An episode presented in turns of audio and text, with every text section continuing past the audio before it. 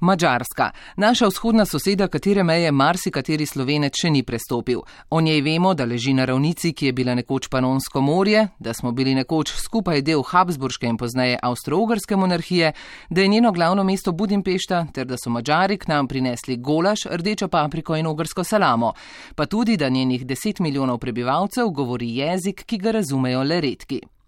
Že nekaj let je najbolj prepoznaven mačarski izvozni hit njen desničarski premije Viktor Orban. Lani je kot prvi postavil žičnato ograjo na meje svoje države, je vodilni glasnik proti migranske politike Višegrajske četverice in prvi, ki bo o evropski migranski politiki vprašal ljudi na referendumu.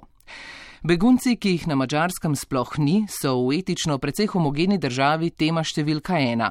Podpora Orbanovi stranki Fides se je v minulih letih zmanjšala, pretresali so jo gospodarska stagnacija in korupcijski škandali, zato je begunska kriza padla Orbanu v naročje prav takrat, ko jo je najbolj potreboval.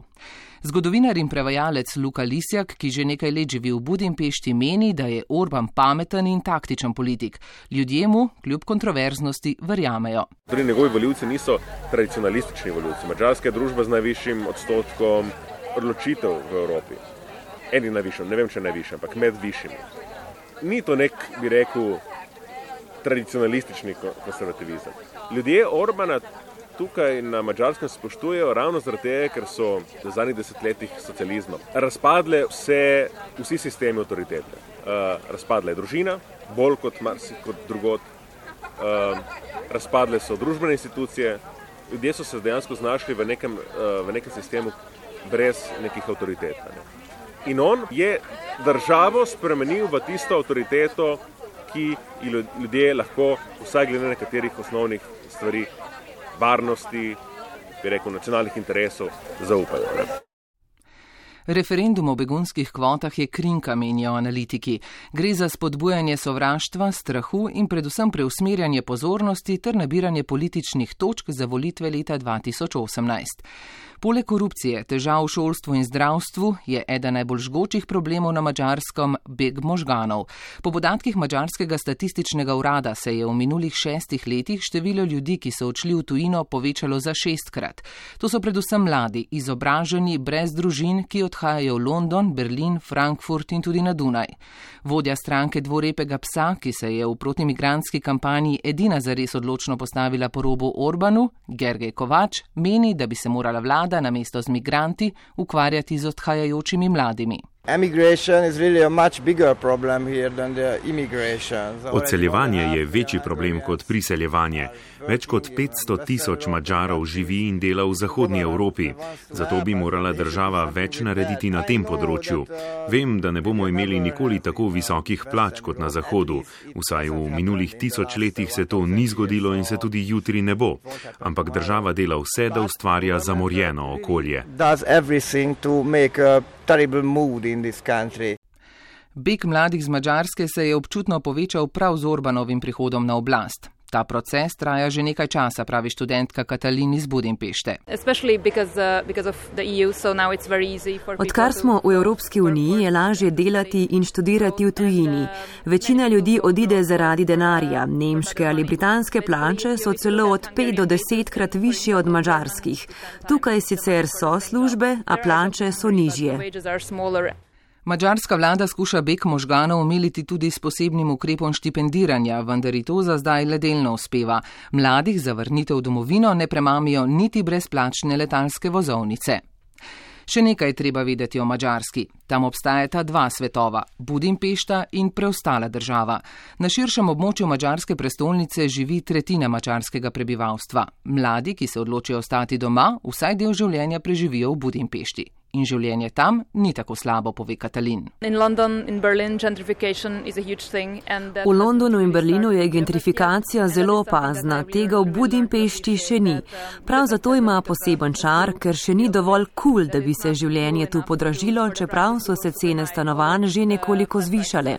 Hkrati je živahno mesto, ker imajo mladi možnost delati številne stvari in to tudi počnejo. Budimpešta ima vse, kar imajo druga velika mesta. Muzeje, opero, galerije, zgodovina se vidi na vsakem koraku in je tudi zelo lepo ohranjena. A to kulturo financira država. Bolj alternativne oblike morajo same poiskati svoj prostor in denar. Um, vse več je subkultur, ki nastajajo in sobivajo med seboj. Vedno so prostori, ki želijo ostati čim bolj svobodni ter ohranjati in spodbujati svobodomiselne poglede na svet. Pojasnjuje Katalin in omeni fenomen sedmega okrožja oziroma njegovih barov v ruševinah, bolj znanih kot Ruin Pubs. Nekdanja cvetoča judovska četrt je po izgonu judov med drugo svetovno vojno osamela in desetletja propadala. Zdaj je to najbolj priljubljena četrt za mlade turiste v Budimpešti. Kako je to postala, nam je pojasnila Regina. Well, like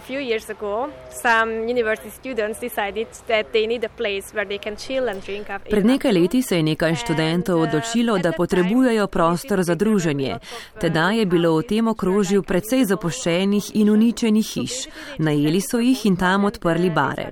Ker niso imeli denarja za opremo, so vzeli stole, ki jih nišče ni uporabljal, niti sten niso prepleskali, ampak so jih pustili takšne, kot so bile.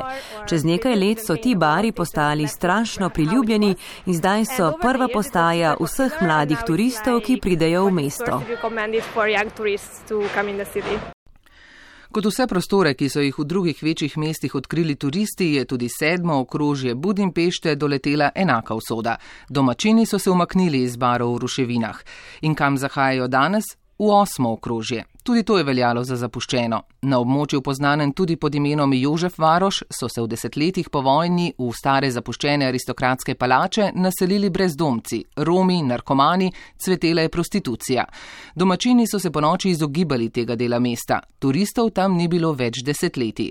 Za tonom alternativne kulture v sedmem okrožju so stavbe osmega, ki še vedno odražajo kanček zbledelega glamurja, počasi oživele. Cene so veliko nižje in lažje je najeti prostor ne samo za bar, ampak za res velike prostore, v katerih so lahko gledališče, kulturni dogodki, predavanja in celo druga univerza. Tam alternativci sobivajo s prebivalci, ki živijo tam odprej in si želijo, da tam tudi ostanejo.